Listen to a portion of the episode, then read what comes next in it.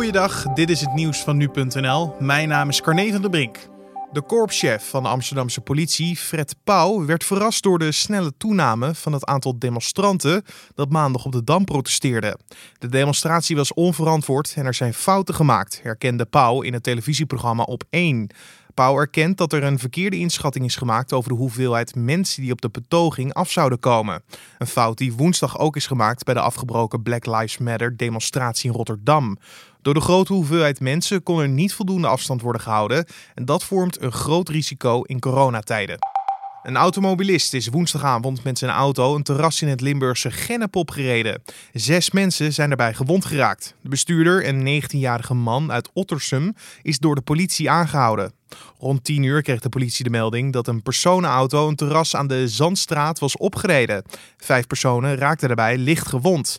Volgens de Gelderlander is de eigenaresse van het café overgebracht naar het ziekenhuis. Zij zou buiten levensgevaar zijn. De voormalige president van de Verenigde Staten, Barack Obama, heeft zich woensdagavond digitaal gericht op Afro-Amerikaanse jongeren.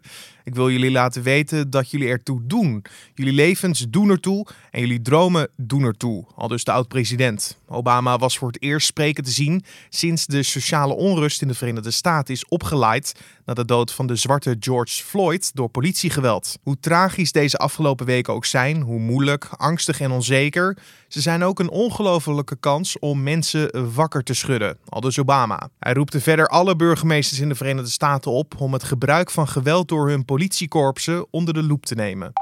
In Mexico en Brazilië zijn woensdag een recordaantal dagelijkse doden gemeld. In Brazilië kwam de teller op 1300 dodelijke slachtoffers. Dat zijn er ruim 100 meer dan het record van dinsdag.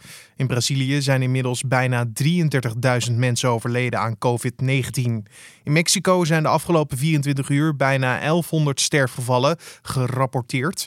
En dat zijn er ruim twee keer zoveel als het vorige dagelijks record.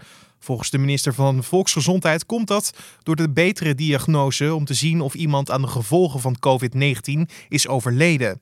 In Mexico zijn tot nu toe bijna 12.000 mensen overleden aan de gevolgen van het virus. En tot zover de nieuwsupdate van nu.nl.